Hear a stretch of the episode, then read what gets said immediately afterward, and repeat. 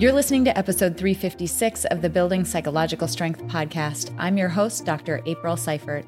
On this podcast, we uncover the information, tools, and techniques to turn our mind into our most valuable asset.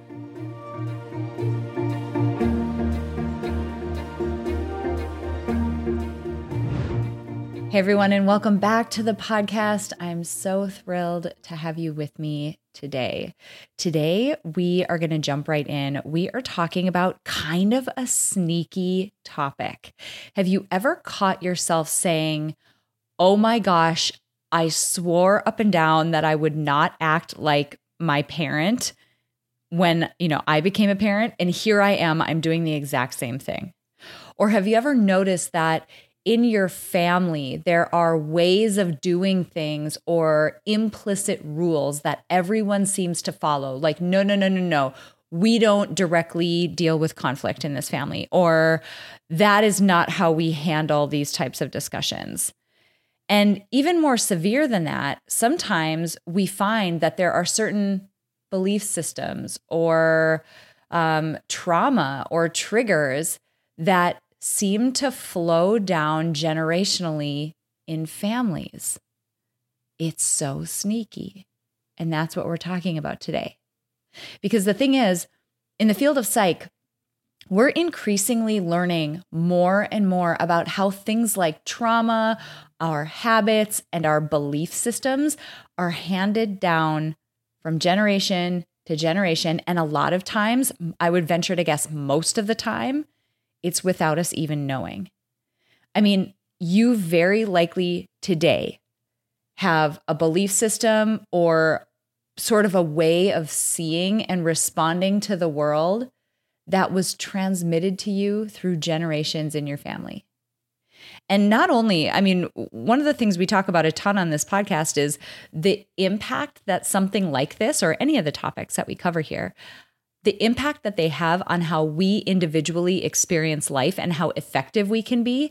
But this topic is even broader than that because it has incredible imp- implications for the way that we understand systemic challenges in society or inequality and inequity in our society. So, if you've ever found yourself in a situation where you don't feel like you can understand your own behavior, or if you've ever been sort of the pivot person in your family where you're fighting against continuing dysfunction in your family. You're like the person who the buck stops with. Or if you've ever felt the pain of just trauma in your family and you just don't know how to move past it, this episode is absolutely for you. Today, we are speaking with an incredible expert. She is just one of the most wonderful people that I have connected with from literally the moment that we met. Her name is Dr. Lynetta Willis. She's a psychologist and a family empowerment coach. She helps frustrated families stop what she calls stable misery cycles or unhelpful patterns that keep them stuck so they can create more joy in their parenting or partnerships.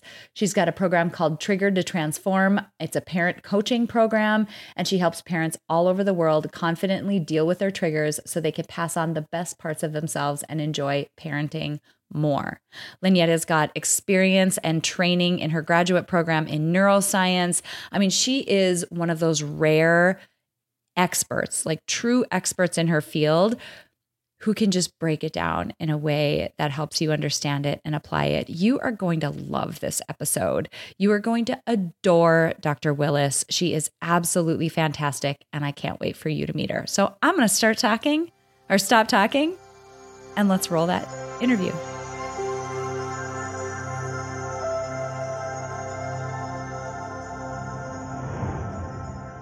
Lynetta, I'm so excited that you're here with me today. The fact that you are on this podcast episode is a testament to the tenacity that both of us have had because this is try number three and it's happening today. So thank you so much for being here. Happening. Yes, I'm so excited. But you know, the beautiful thing, I got times to hang out with you in these short clips of time, know. you know, because random stuff kept happening to us. So it's given me more time to hang with you. So I'm not complaining. it's amazing. I mean, it truly was. I, I was so excited to have you on the show. And then these like hiccups kept happening and all this crazy stuff kept going down. And I'm like, this is just such a microcosm of what life is, right? It just gets really unexpected unexpected curveballs sometimes and we just have to decide what's important and just trudge forward and that's yeah, you know and i think it's a perfectly good i think what happened to us the very first time is a really good example speaking of psychological strength of leaning into what you need. Because oh, if you oh, remember yeah. that first time, we just ended up like something really big happened in the news. And we were like,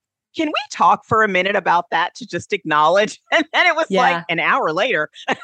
Yeah. Well, it's funny because you've seen those memes out there, right? Like between the political stuff, the health stuff, the pandemic, the all the things, and burnout is rampant right now. Between all those things, there's like these funny memes. They're not really funny, haha, because it's just terrible, but that we're all just sort of in this crazy fire and yet we're like over here formatting powerpoints and pretending like things are normal and you're totally right because we hopped on and it was like no we're not going to do that this is crazy and we need to talk about this so yeah yes. an hour later and whoopsies we didn't record but we're doing it today. that that would have been awesome we are doing it today Woo! yay well i'm so thrilled to talk with you because you are one of those people just from the background and the work that you do who fits in so well to our goal here of taking really great research backed, hard psychological science, but then talking about it in a way that makes it easier for people to understand. And in your work, you you do some work on something that you call intergenerational drama. Can you talk a little bit about what that is to sort of set the context for the audience today? Absolutely. So, you know, a lot of times we hear the phrase intergenerational trauma, mm-hmm. right? And those are those things that have happened um, long ago, deep in our ancestral past, often. Like, for instance, an intergeneration, I'm a Black woman, um, for those listening who can't see. So, an intergenerational trauma for in, in my family lineage would be slavery, mm-hmm. right? I personally have, thankfully, never been enslaved. Mm-hmm. You know, so I don't necessarily have that immediate reaction, you know, to that or those immediate memories. Now we can talk about epigenetics and all that stuff, but in terms of my day to day, that's not a trauma that I directly experienced. So what I often find happens when we get into these conversations about intergenerational traumas, especially in the academic field, it becomes very heady. Mm. Because it's hard to really attach, you know, like if you talk about Holocaust survivors, you know, people and then the the generations since then, you're like, I can't exact like I was not in the hall. I was not alive during the Holocaust, but it clearly has an impact. Yeah. Because it has an impact on you know, our great great great great grandparents, our great great great grandparents, our great great grandparents, our great right. And so how they respond and react and the beliefs that they carry and the actions that they perform or don't perform, all of that is what's passed down and it impacts how we show up today. Mm. So for me, mm. the intergenerational trauma, that phrase just didn't quite fit. So I started calling it intergenerational dramas. That's and, so good. Right? Right?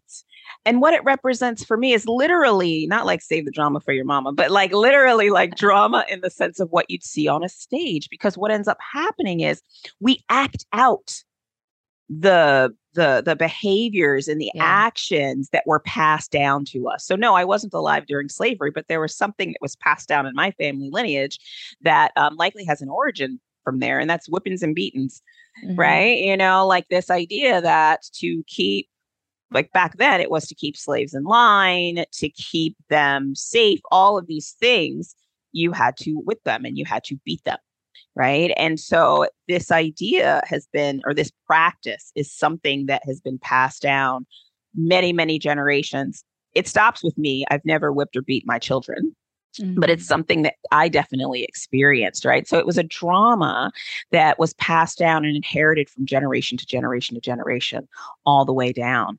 And so the clients that I often work with, we will explore their history and the different things that they've learned and, and experienced and realize wait a minute, this is connected to something else. I had one client who, um, she was really, she was very what she called emotionally stunted. She's like, mm. I want to cry, but I can't cry. Why can't I cry? What's wrong with me? It feels like it's like I'm like emotionally constipated. That's what she called it, emotionally constipated. and, and when we did some exploring, what she realized was she comes from a long line of farmers. Oh. And in oh. her ancestral lineage, there was no room for emotions. Yeah. You got to get out there, farm the land, or you won't eat.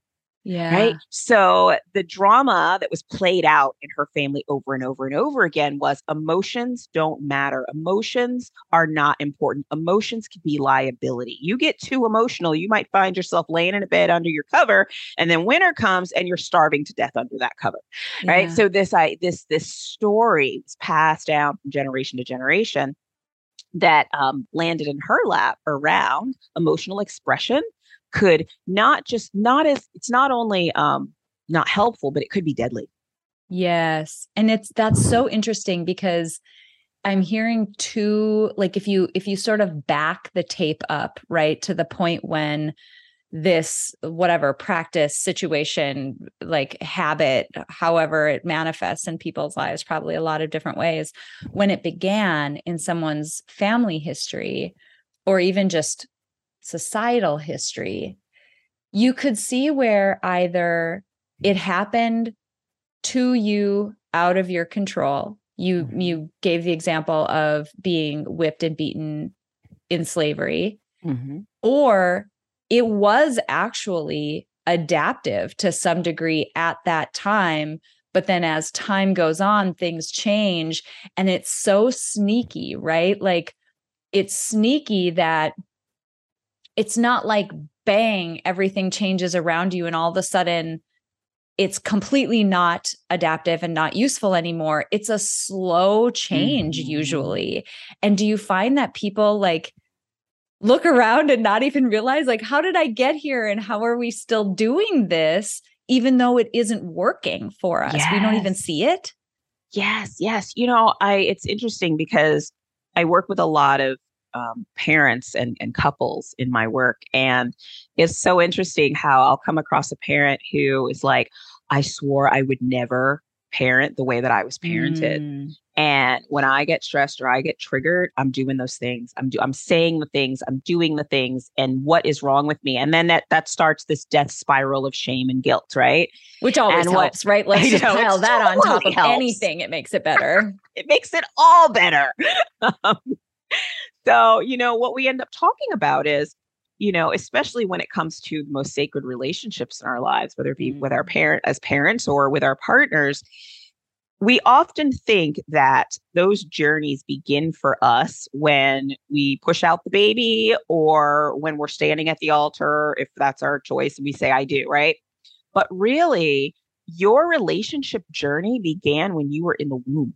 Wow. Right? Your memory, what you learned around how to relate to other people literally began before you were born. Like how your mother responded and reacted to you being in the womb and to um, other people around her, all the hormones and things like that that went through you were an impact of that. So when you came out, and you start watching and listening, right? Parenting school does not start when you download that online course. Okay. it starts when you first start, when you when you when you were parented, right? That's when you learned that. So this idea that we can somehow shift and transform on a dime is almost laughable when you think about it that way yeah. because it's like you know if you're 40 years old you've been you've been learning you've been in school for 40 years which sounds like a nightmare but i mean anyways yeah. you have. You've been on this journey for a long time so it is going to take a little bit more than a book or a course to help you shift those neural networks because that's what we're talking about. Now we're getting into the brain right? And where you're talking about shifting neural networks, you're talking about shifting stories, you're talking about rewiring your nervous system, which I know that sounds like, oh dear God, let me turn this off right now because I'm already overwhelmed. but it's it's not impossible. I did it. Right. I work with people who I help do it. It is absolutely 100% possible. It's just you have to be intentional about it. Yeah, that's so good. It's uh it's interesting because these are one this is one of those opportunities to take something that feels very conceptual and make it real in our lives where Um, so my background is in social cognitive psychology, and the cognitive side of this is so applicable here because cognition, the way that we think about how quote unquote information is stored. That sounds very like bland and not like, why do I care about that? But hippocampus and all that. yeah, exactly. Like, who cares? But what we're talking about is literally every input that we have is information. And our mind is trying to make sense of it and figure out what it means to us. Is it important or not? Is it good or bad? Do I care about it? Is it related to other things that I know? And when we encode information, it tells us, it gives us clues about who am I? What is my place in the world? What is my role to play? Who are other important people in my life? And what gets really interesting is the habits that we develop as a result of that.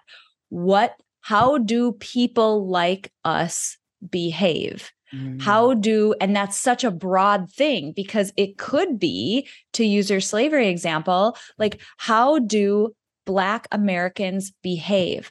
Women, we we've encoded all of this information about how do we behave it could be people from your geographic location what do we do and what don't we do? And that set of rules is such a powerful force on our worldview the way that we think the the standards we hold ourselves and others to how we behave. Like the way that we blah blah encode information which sounds so bland is actually Everything. the lens that you Mhm. approach life through and that's really what you're getting at here is one of those powerful you know influer influencers of that lens you know you just hand down part of that lens through your own behavior without even realizing it So true. 100 and and it's it's partially because it happens in like micro milliseconds. All that Yes. whole encoding process that you just took 3 minutes to go through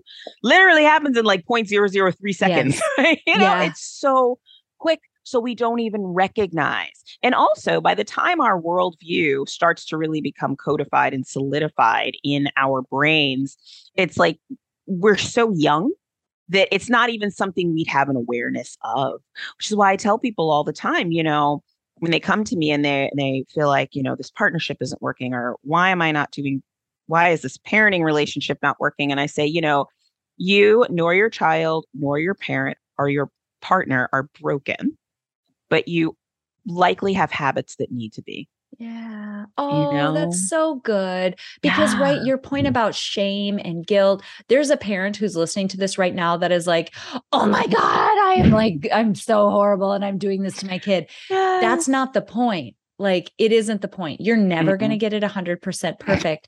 But your point of you are not broken, God, that's a message that we all Mm. need to hear. Because if we can lift the guilt and lift the shame and lift the defensiveness, it's so much easier to work on things when you don't feel that knee jerk reaction of all of that like negative icing on the cake. Ah, exactly. And it feels less impossible. like I have Mhm. a um, program for parents called Trigger to Transformed, and um, it's I'm I'm very clear that it is not a course; it is a parent coaching program because we're Mm. together for a year, and you know that really gives time for life to happen, but also for that rewiring and retraining process to happen. Right? Mhm. It can't do it over six, 12 weeks, right? Like it's something where you actually need accountability and guidance around that process. And same with my couples that I work with. You know, worked with a couple just the other day who um the the the it was a heterosexual couple. So the wife was getting really, really, you know, hard on the husband and to the point of um husband like, I don't know what to do.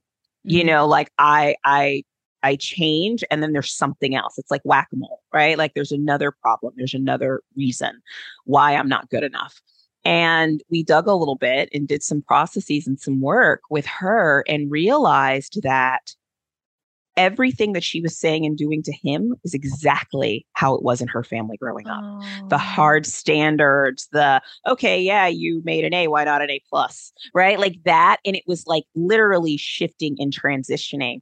And that is how she, that's how it was coded in her system to deal with anxiety, to deal with um, feeling as if things were not, um, oh, what's the word I'm looking for?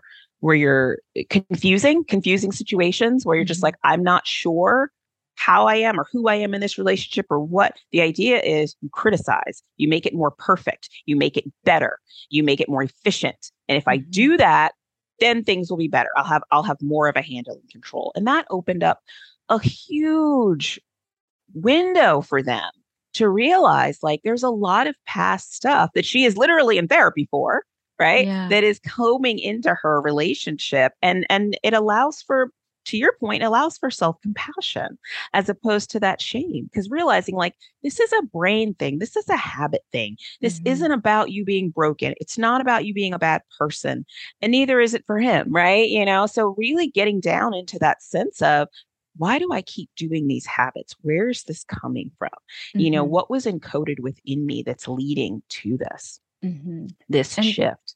And think about the gift that you just gave both of them, right? Because for her, she can think about what it felt like to be in that context and to have someone do that to her mm-hmm. and have that in mind as almost a motivator or just extra information as she's thinking about how to relate to him and, and sort of change that habit in the future. Yeah. But for him, the ability when you're on the receiving end of something like that, it can be tough to be compassionate to that person. Yeah. But if you can think about, if that husband can think about that wife as a little girl who had that done to her, mm-hmm. right? Like it came from somewhere and yeah. she experienced it too.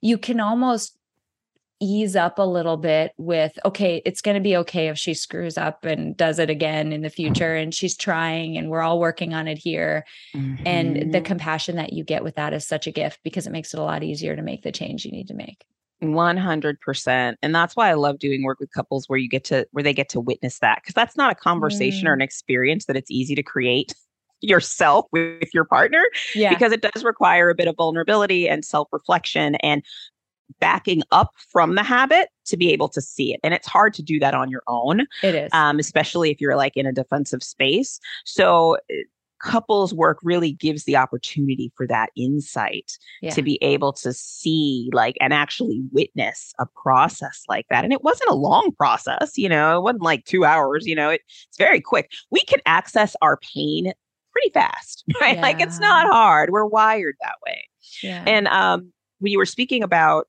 uh, our thoughts. So I actually created, and I, it's infused in all the work that I do, this framework called the Paths Framework. Mm-hmm. And it has five aspects to it. And these are things that in working, doing this work for over 20 years now, I realized these five areas truly need to be addressed and integrated and taken into consideration when we talk about shifting habits, shifting how we show up in the world. And the first one is it, the it's an acronym paths P A T H S.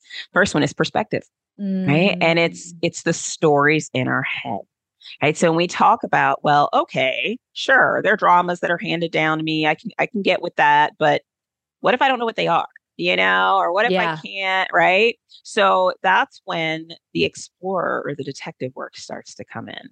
And the first thing we look at is the perspective like, what are the stories I'm telling myself, mm-hmm. right? Especially when I notice that I'm repeating behaviors that were done to me.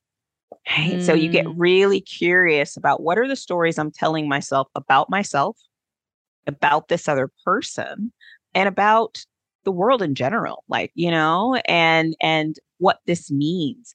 And that story can really start to create a structure for you around what was handed to you because you know we talk about core beliefs right? So if i have this story that every single time my kid does this thing every time my kid yells at me or slams the door and then i get really flustered or frustrated or I just start yelling, right? I just immediately get angry yeah. and start screaming. Like, yeah. what is the story I'm telling about myself? you know, maybe like I am out of control, I'm powerless, I'm useless, I can't get it to get. What's the story? What's the story I'm telling about my child? Mm-hmm. You know, like, oh my gosh, my child's broken, my child can't get it together. This is never going to, you know, what are, it, you know, that type of thing. And what's the story you're saying about the relationship between you two or about the world? Like, this is useless.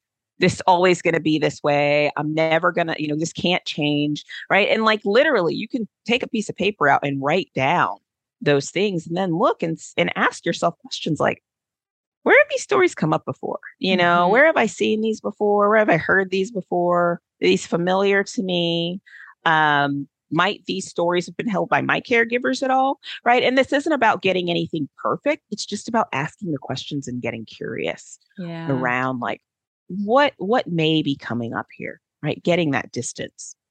And it's interesting to take that perspective. Another interesting tool that i've noticed in my life like one of the things handed down in my family was um, the speed with which we do things mm. a very big sense of urgency efficiency like it like it has to get done now and quickly mm. and it's funny because i married my husband and for the longest time, I'm like, oh my God, would you go? Like it just, he felt so slow in a lot of areas.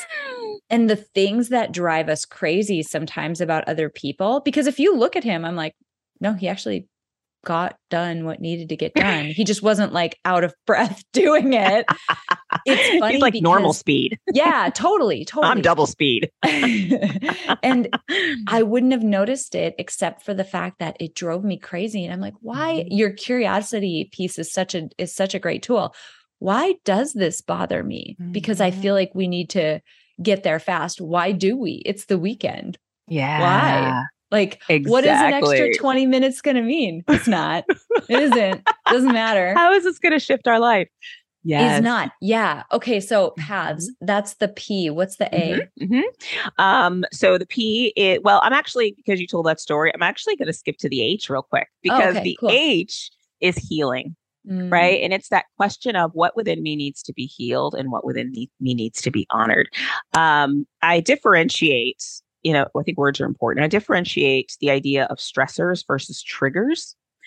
And and I, I use those words very differently. So when we're experiencing a stressor, we're stressed out, right?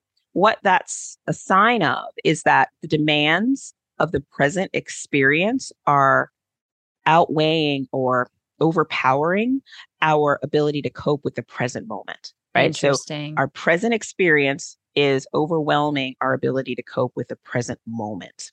So that's that's a stressor. A trigger is my past experiences are impacting my ability to cope with the present moment. So I have never is, heard somebody make that distinction before, and that is so important for people to understand. Sorry, yes. keep going. This is so no, good. no, it's so true because I have to break everything down. Like I was, uh, I spent time, I studied neuropsychology at the Medical College of Georgia, so I know all the big words, and then I realized I spent the rest of my career being like, how can I make this really easy? You're like, that was terrible. Let's not do that to people. Took you like an hour lecture to describe this one thing that could have been described in 30 seconds. Yeah. Not okay. Um, yeah. Um, so, so yes. So when we you your description with your husband was so good because it's one of those things where it's like that was a trigger it sounds like right like your past experiences of everything has to be efficient go go go go go we got to move like that that that story that was implanted in you growing up was impacting your ability to cope with his what seemed like a turtle pace yes. of movement, you know? Um, and sometimes it's just stressors, right? Like, so I say triggers need to be honored. I mean, healed, excuse me. We got to heal our triggers. Stressors need to be honored. Like, sometimes mm-hmm. it's like, I just didn't get enough sleep. Uh, I'm hungry right? Yeah. You know, so yeah. some, like not everything is something from your past that has to be, you know, we have to do EMDR on every single little yeah, frustration, right? So it's one of those things where it's like, and and what's funny is what you do to deal with stressors versus triggers are actually very similar. But the important piece of understanding the differentiation of it is to figure out okay, with stressors, I can shift things in my environment and mm. the stressor will shift. Right. Yeah. So if you're not sure, is this a stressor or a trigger? Try changing some things. Right. And if you're active, if you're if you're less activated, then it's it's probably a stressor. If I don't care if Jesus, Buddha, and the Dalai Lama came down and completely shifted your Marie Kondoed your life, right? When that thing happens, you are activated and set off. It's probably a trigger right? So really getting clear on like okay maybe i need to do some deeper work and and do a little bit of digging under the ground. This isn't just about pulling out a weed. I gotta like dig under the earth get to the root mm-hmm. and pull that out right? So yeah. that's where it comes important. So healing the h is really really healing and honoring yeah something else that also needs to be attended to when we're talking about transforming our relationships or shifting how we show up in the world. So I, I skipped ahead. That's okay. That's okay. It was it was perfect. It was so good. Yes, um, yes. Okay, well then let's rewind and go yes. back to So the A stands for awareness. And this is awareness around our body sensations, our emotions, um, and how other people respond to us.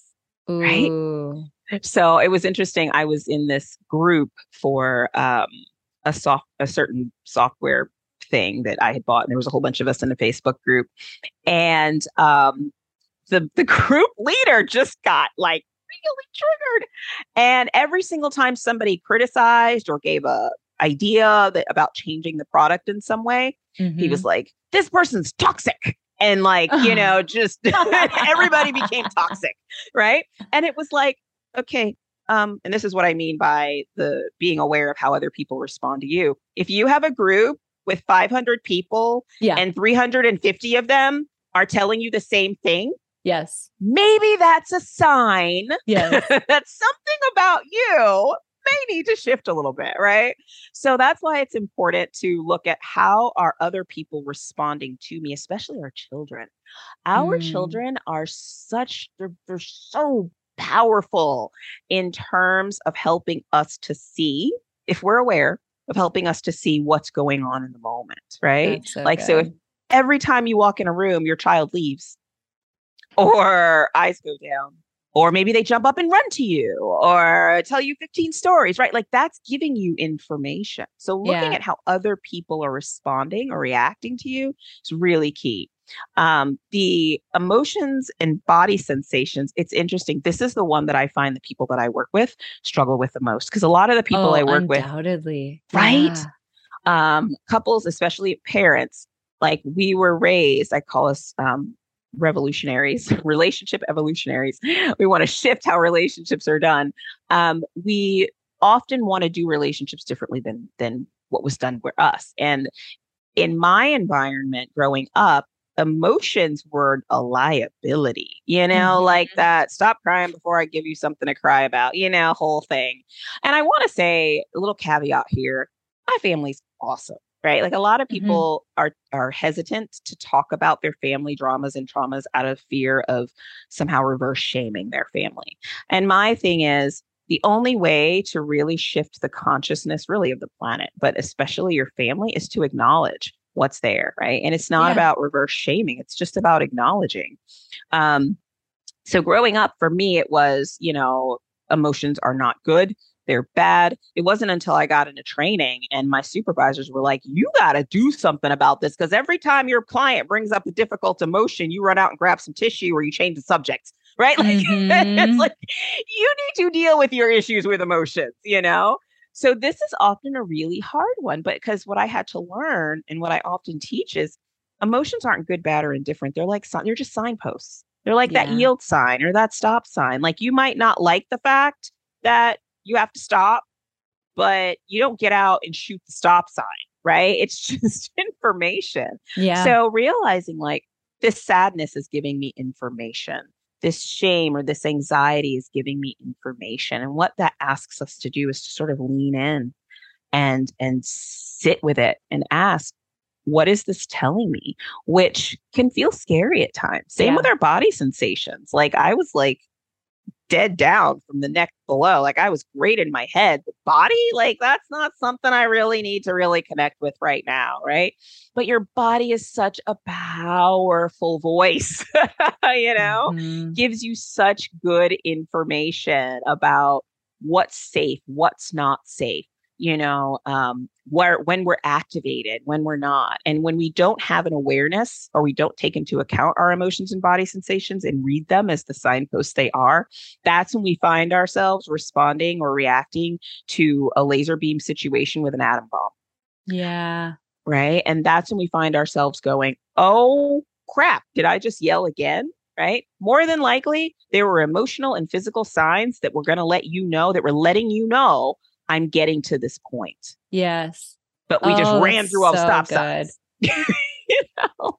That's so good. I mean, man, if you could even get people to those first two steps, you know, taking perspective and being aware, that I find just reduces that blame and shame that we're talking about and almost gives it it it like takes the edge off of the work that you're doing. It's like 5% relief just from the sake of okay there's like there's an explanation here. I feel yeah. like i have my hands around this. I'm still a mess. I still have things i need to work on but i at least understand it a little bit better and that is such a great first step yeah. to give you the space you need to actually you know do some of the work. Right. There's a path that you yeah, can follow. Right? I see what you did there. I love it. Right, right. And one thing I forgot to mention about perspective, a, a, key story, I mean, key question that I always have my, especially my couples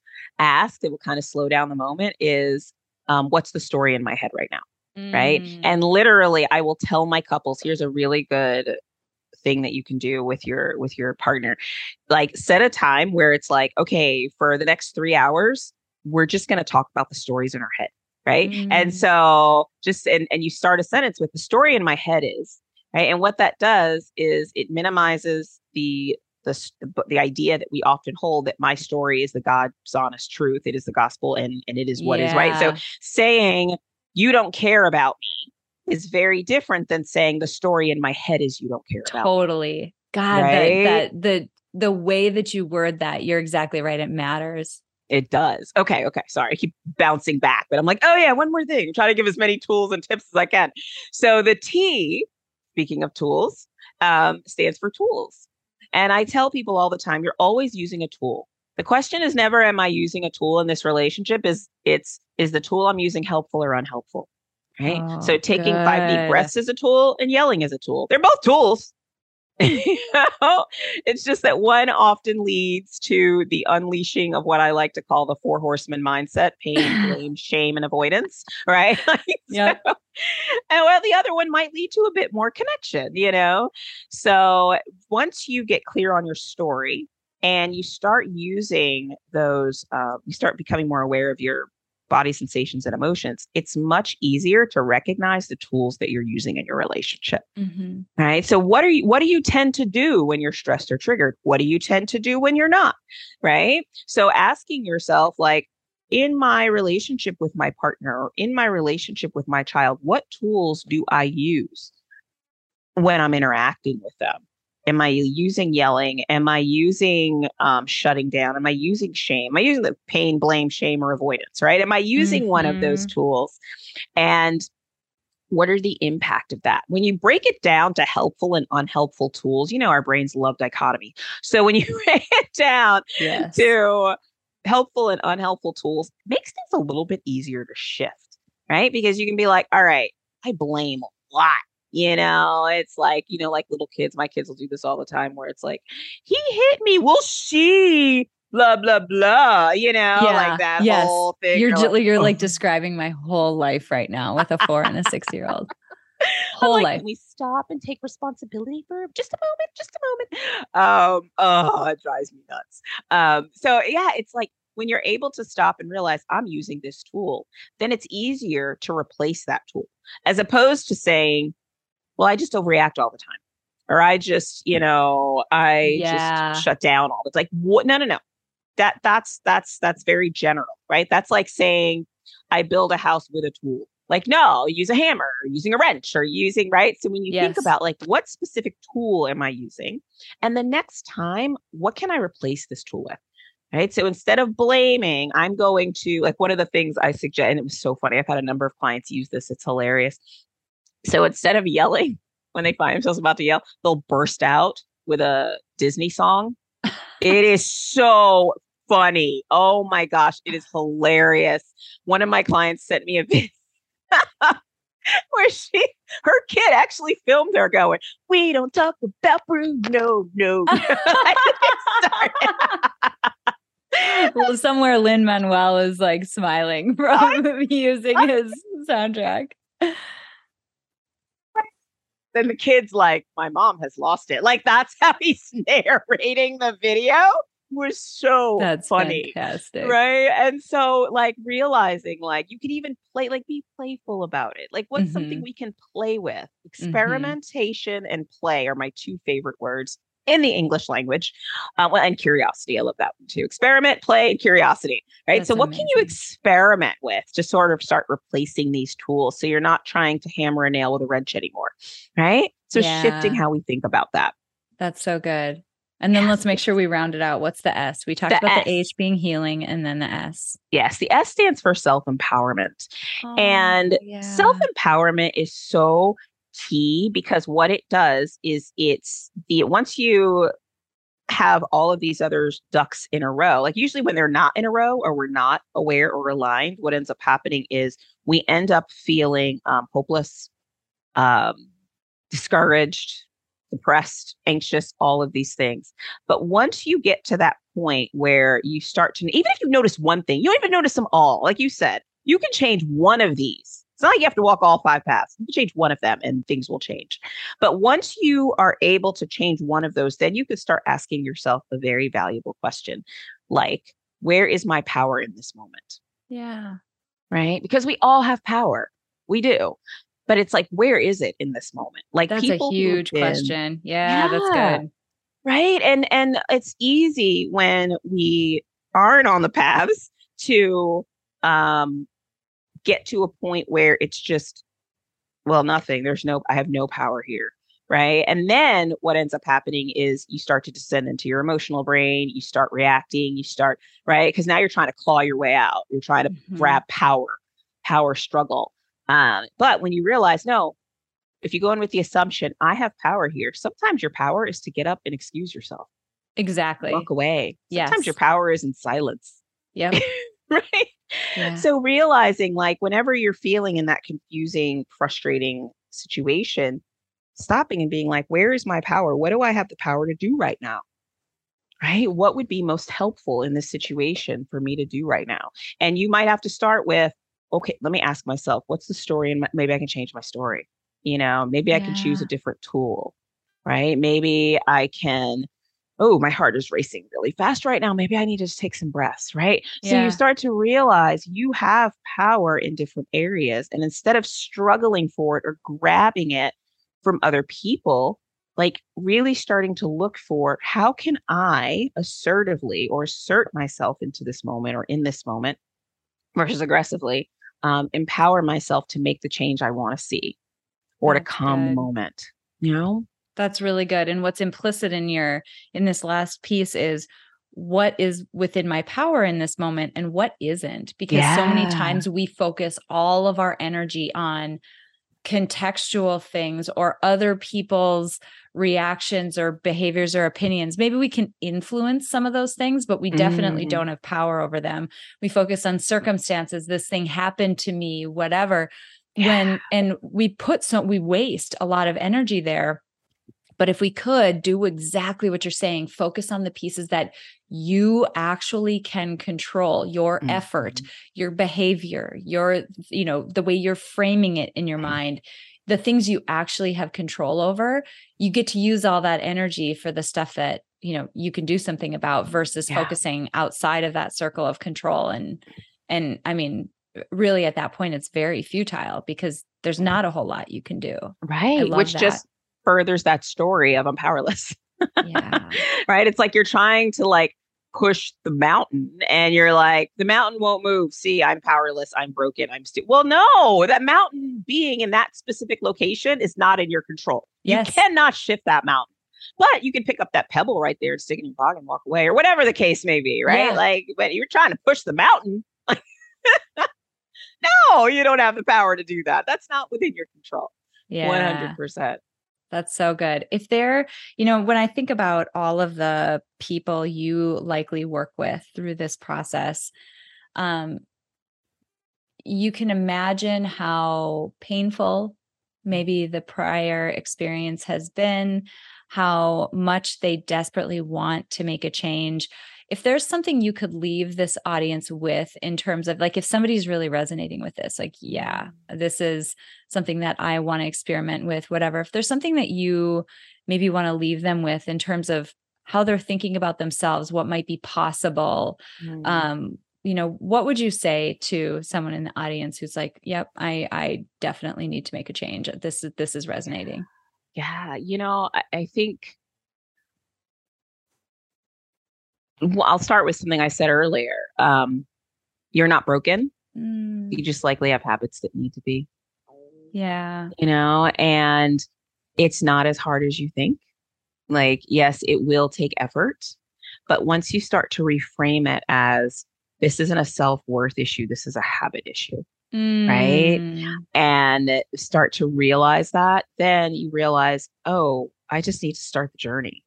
I just need to start walking the path in the direction of where I ultimately want to go. mhm. And you can get there, even if you take one micro step a day. You know, and Trigger to Transform, I have these things called quests. And um, it stands for Quick Useful Experiments, Strengthen Transformation, because Mhm. I kind of obsessed with, uh, um, what do you call these things? Uh, I can't think of acronyms. it. This is great Acronyms, marketing. thank you. I love it. right now it's like rah. so it's like but they're all about micro steps that you can take tiny little Mhm. micro steps so a micro step for you might be so this whole paths model if you go to healingstablemystery.com you can download an infographic with the paths model on it and then i send you follow-up emails that allow that help you to integrate this into your daily life like take micro steps every day.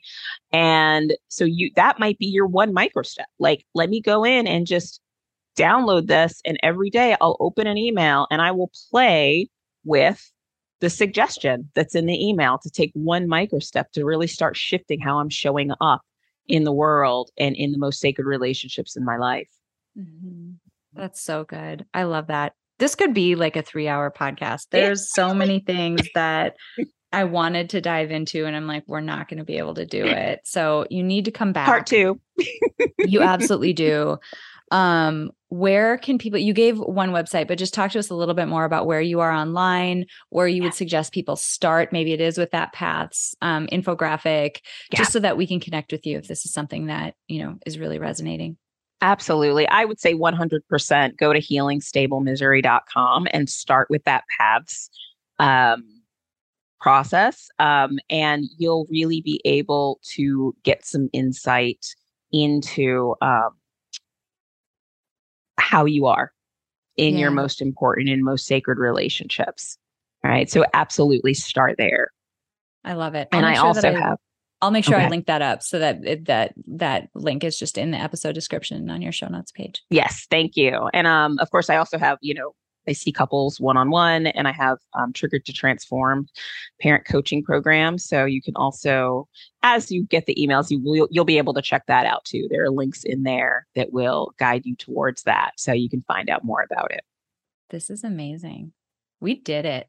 We did recorded this episode. Lynetta, this is amazing. You're just phenomenal. And I can tell the care that you've taken just in the way that you describe things from the care that you've taken to translate your incredible training and background and experience and the again what feels conceptual and sterile in the field into something that is truly doable for people actionable for people. So i just commend you for that and i'm so grateful that you were tenacious with me and we made this happen Thank you. And I appreciate you too. I love I love chatting with people who are like neuro nerds like me. So it was so much fun being able to connect with you and I appreciate your tenacity and your um, deep desire to really communicate this to the world in a way that we can digest it and understand it because it's it's sorely needed. It really is. So thank you for doing this.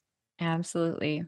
Okay, friends, hang out with me for one more second. I've got a few uh, resources to share with you, a few of them that we haven't talked about recently that I think will be really useful as you digest what we've learned from Lynetta today. And also, of course, links to all of her resources. So we'll cover all of that in just a minute.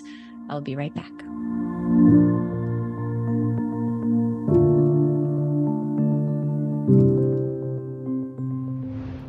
All right, friends, I hope you enjoyed that interview with Dr. Lynetta Willis. I hope you see what I meant when I said how fantastic she is. She is just a light in the world and such a brilliant mind. I want to talk about uh, th- two, really, well, three um, additional resources. One, Dr. Willis did not mention in her interview, but she actually has an upcoming um, program that she's releasing. I think it's actually free. It's called Parent with Calm and Confidence Create Your Personal Parenting Roadmap in Five Days. It is just an incredible resource. I've linked up Dr. Willis's website in the additional resources section of this episode. So if you swipe up on your phone, you can get directly to that, or you can um, click on it on the show notes page if that's where you're listening to this. Um, this challenge is just a way for you to start to explore your own triggers and start to think about how they might be impacting the way that you parent. And that just has an incredible ripple effect, both in how we think about ourselves, that dreaded guilt feeling that we all have from time to time, and what an incredible expert to learn from. So if you go to uh, website, a box will pop up on the bottom right hand corner. You can sign up for that challenge and get in on that. That is happening soon, so do it quickly. Second, we talked about this topic because it's such a sneaky topic, right? It's one of those things where basically what's happening is when we're children, by osmosis, our mind is learning what it means to be, like how things work in our family, what people like us do and don't do. That is actually the core message that I delivered in my TEDx talk. It's I used kind of a funny way of talking about it. I really like space a lot, if you don't know that about me. And so the title of my TEDx talk is Mind Over Dark Matter A Guide to Uncovering Your True Potential. And I use this idea of dark matter because in space, like 80% of the matter that's in space is dark matter, meaning we don't know what it is. We can't even really directly measure it. We have no idea what it is. The only reason why we know it's there is because we can see its impact, like its gravitational impact on other objects in space. So they're being acted on by gravity. We don't know what's causing the gravity, and that's what dark matter is. It's very similar to the way that we think about the mind because we develop these subconscious habits or the subconscious learning over time, and it's very passive. And so we can see the impact of that learning in the way that we relate to our kids, in the way that we relate in our close relationships, all of those things. But we can't actually point our finger or put our finger on where the influence of those actions is coming from. It's like dark matter, but in our mind. So I wanted to link up my TEDx talk. That's in the additional resources as well, just in case that analogy helps you understand what we were talking about a bit more. And then finally, one more resource. It's one that I've linked up before, but it's one that I really like. It is a link to a blog post that I wrote called Emotional Intelligence Sifting Through Gray Emotional Sludge. There's so much around when we do this work of trying to understand our own behavior, the root causes of it, this intergenerational, you know, component that we talked with uh, Lynetta about today. It can create a lot of emotion. And not only that, it can create a lot of complex emotion where both positive and negative emotions come at once and they come on top of each other. Lots of negative emotion comes on top of each other, and it can be really hard to sort through. Emotions are easier to deal with when they come one at a time, when they are clear and understandable, and we know what the cause of them is and maybe what the target of them is.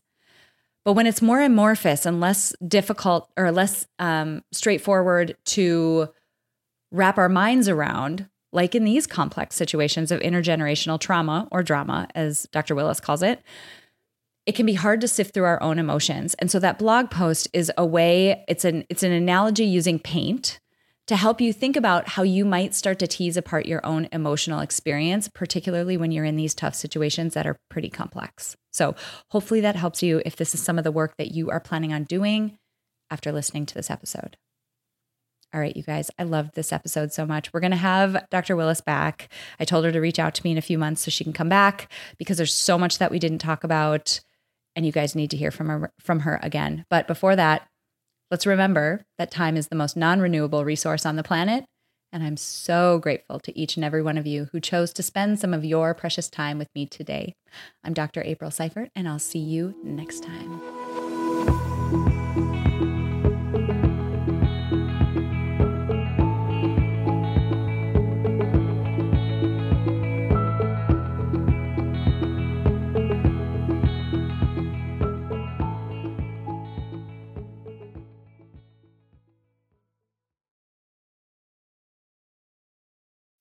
As humans, we're naturally driven by the search for better. But when it comes to hiring, the best way to search for a candidate isn't to search at all. Don't search, match with Indeed. When I was looking to hire someone, it was so slow and overwhelming. I wish I had used Indeed. If you need to hire, you need Indeed. Indeed is your matching and hiring platform with over 350 million global monthly visitors, according to Indeed data, and a matching engine that helps you find quality candidates fast. Ditch the busy work. Use Indeed for scheduling, screening, and messaging so you can connect with candidates faster. And Indeed doesn't just help you hire faster. 93% of employers agree Indeed delivers the highest quality matches compared to other job sites, according to a recent Indeed survey. And listeners of this show will get a $75 sponsored job credit to get your jobs more visibility at Indeed.com slash podcast. That's Indeed.com slash podcast. Terms and conditions apply.